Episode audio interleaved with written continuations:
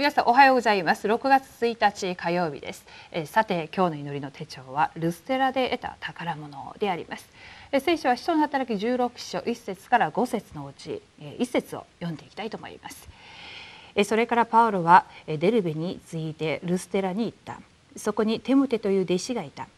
信者であるユダヤ夫人の子でギリシャ人を父としていたがはい。えー、私たちにはいつも訪れる苦しみもあり急に迫ってくる苦しみもあります。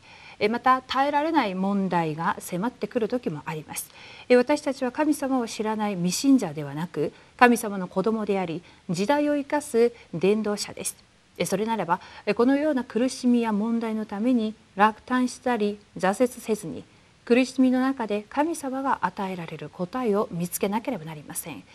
パウロが最も大きな苦しみにあった場所がルステラです。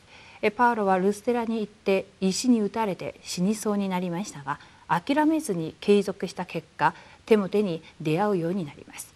パウロがテモテに出会ったことはルステラでルステラで得た最も大きな宝でした。私たちが苦しみにあって信仰の決断をすると暗闇の勢力は崩れ次の答えが始まります。えではですね今日まず本論に入っていく前に今皆さんが抱えている問題や葛藤さまざまな、えことをですねまずは、えこの牧草を入る前に置いといてですね、えその問題が、え果たして本当に、えこの福音と伝道とそして世界宣教世界福音化レムナントそして本当に RUTC のためこの時代の契約のためのものなのかをまず考えていただきたいと思います。人間関係のことや社会また会社学校また教会問題などいろんな問題があるかと思うんですけれども全ては神様の救いの働きを成し遂げていくために主の主がなさる働きでありますから、えー、今日の問題を通していかに神がこのパウロが手元にあったかのような、えー、宝探しに私たちが成功できるか、えー、今日一日もまた、えー、そのような命祈りの課題を持ってスタートしていきたいと思います。さて今日の一番です。はい、出会いの祝福。聖書の中で答えを味わった人物は出会いの祝福を味わった人々でした。どのようにヨセフが王に出会うことができたでしょうか？出会いの祝福は神様の見てにあるために可能でした。環境に騙されず不信仰にならなければ門は神様が開いてくださいます。私たちが暗闇の勢力とサタンの文化に騙されないことを決断する時神様の働きは成し遂げられます、はい、ヨセフがえー、奴隷になってそして結局はポティパルの家に雇われてそこでまた成功して後にまたポティパルの妻によって監獄には入りましたけれどもそれを通してまたエジプトの総理にまでなります。このようにこういう過程だけを聞くと、まあ、苦しみに我慢して耐えたからヨセフが本当に結局神様がヨセフを祝福したっていうふうに思うかもしれませんが私たちはそれを握っては宗教的な信仰生活になってしまいます。実はヨセフは創世記37章1から11節のように彼は契約を握っていました。その契約の中で神が共にいること主が自分と共にいるという契約を握った上にどんな環境をもその契約を握って勝利してそして打ち勝っていたのです。その中から神様がヨセフを通してそして違法の国々やそしてエジプトをはじめ世界を征服する神の計画があったために神が言われた御言葉通り神はヨセフを通して御言葉を成就させ神の救いの働きを成し遂げました。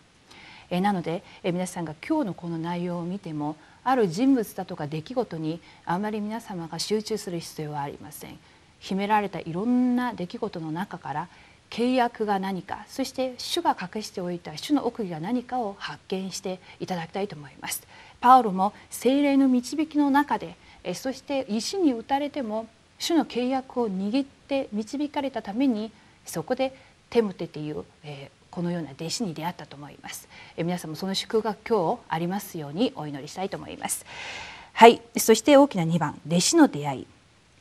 パウロとテモテの出会いは契約を成し遂げる出会いでした。この出会いは祝福につながり滅びた世の中を生かしその時代に伝道の祝福を正しく伝えた一人の証人と伝道者を立てる出会いにつながりました。そうです。神様がこんな宝である弟子の出会いを与えてくださいましたから普通の群衆は群がっている人ではなく一般的な人ではなく弟子弟子ですから神の契約を成し遂げていくってことは当然だったと思います。はい。では一つの場所一つの国。パウロが最も苦しみを受けた時苦しみから顔を背けて他の場所に移っていたらテモテのように地域に隠れた誠の弟子に出会えたでしょうか。一つの場所一つの国に必ず隠された弟子がいます。神様のすべての計画と目標は隠れた弟子に合わせられます。合わせられています。このことのために精霊の導きを受けなければなりません。その時に起きる答えが地教会です。この契約を必ず握るなら一つの場所に働きが起きて一つの国を生かすようになります。